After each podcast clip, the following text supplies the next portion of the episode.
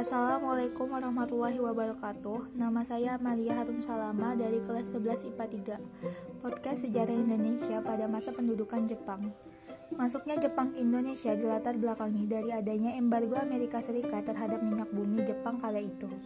Jepang akhirnya merespon balik dengan cara melakukan serangan cepat. Mereka ingin menjatuhkan Amerika padahal ketika itu Amerika masih belum sama sekali memilih blok sekutu ataupun blok sentral dan dia memilih abstain ketika itu. Tapi kemudian bagi Jepang, Amerika tidak pro terhadapnya. Pada tanggal 7 Desember 1941 terjadi peristiwa besar. Pada saat itu kekuatan armada tempur ke Jepang dikerahkan yaitu 6 kapal induk, 2 kapal perang, 11 kapal perusak, dan 1.400 pesawat tempur dikirim ke pangkalan militer Amerika Serikat di Pearl Harbor di Kepulauan Hawaii. Sejumlah 2.402 orang Amerika tewas dan 1.283 lainnya luka-luka. Namun, ketika itu tiga kapal induk Amerika selamat karena pada saat itu tidak berada di Pearl Harbor. Jadi, kapal induk yang semestinya membawa bala bantuan terus kemudian di sana bisa mengangkut jet dan yang lainnya itu ternyata tidak diperbolehkan. Mereka selamat. Bagaimana kemudian para tentara Amerika lari tunggang langgang menyelamatkan diri mereka dan kemudian mereka bersiap untuk melakukan strategi serangan balik. Tapi kemudian serangannya datang di pagi buta. Mereka belum siap-siap dan buru mereka masih tidur. Ya udah kalah hasil. Mereka kalah telak. Aksi Jepang ini merupakan sebuah gerakan inflasi kala itu, yaitu gerakan aksi militer yang kemudian dengan cepat menambah merambah ke kawasan Asia Tenggara sehingga di bulan Januari sampai Februari tahun 1942 Jepang menduduki Filipina, Pontianak, Balikpapan, Palembang, Tarakan di Kalimantan Timur yang di Samarinda kemudian. Beberapa semi Beberapa minggu setelahnya, Jepang berhasil mendarat, mendarat di Pulau Jawa, tepatnya di Teluk Banten di tanggal 1 Maret 1942. Kemudian, juga di Jawa Timur, letaknya di Keragan dan terakhir di Eretan di Jawa Barat. Setelah empat hari kemudian lalu Jepang sampailah di kota Batavia.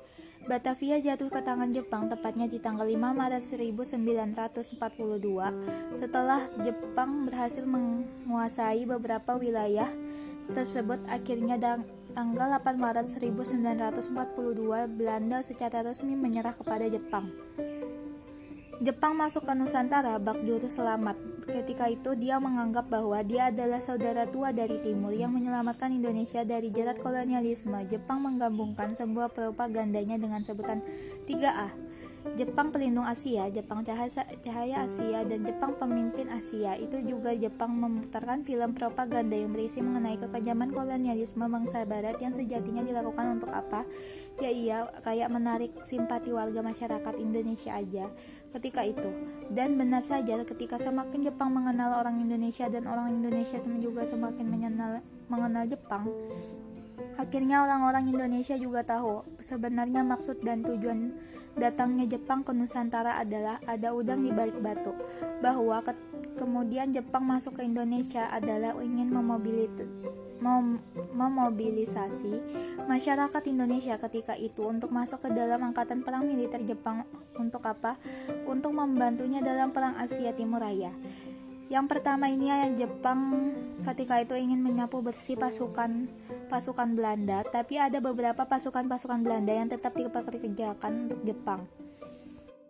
Yang kedua, kerusakan wilayah karena masyarakat Indonesia beberapa kali melakukan perlawanan terhadap Belanda dulu, tapi kemudian ini juga menghasilkan porak-poranda nya di negara struktur infrastruktur yang vital maupun tidak. Jadi kemudian ketika khas Jepang masuk ke Indonesia ya kadang ada beberapa infrastruktur yang memang udah rusak jadi mau dipindahin yang ketiga adalah menyusun dan juga menggerakkan kembali perekonomian Indonesia. Bunda menyokong finansial perang Asia Timur Raya yang tepat adanya hiperinflasi yang ditinggalkan pemerintah Hindia Belanda.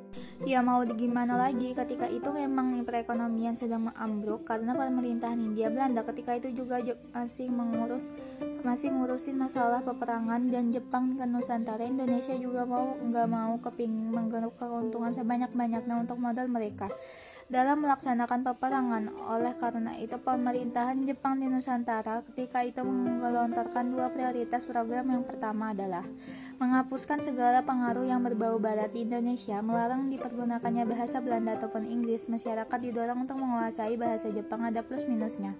Plusnya, mereka bisa belajar bahasa baru, tapi minusnya di sana ternyata adalah program ini gagal. Sekian dari saya. Wassalamualaikum warahmatullahi wabarakatuh.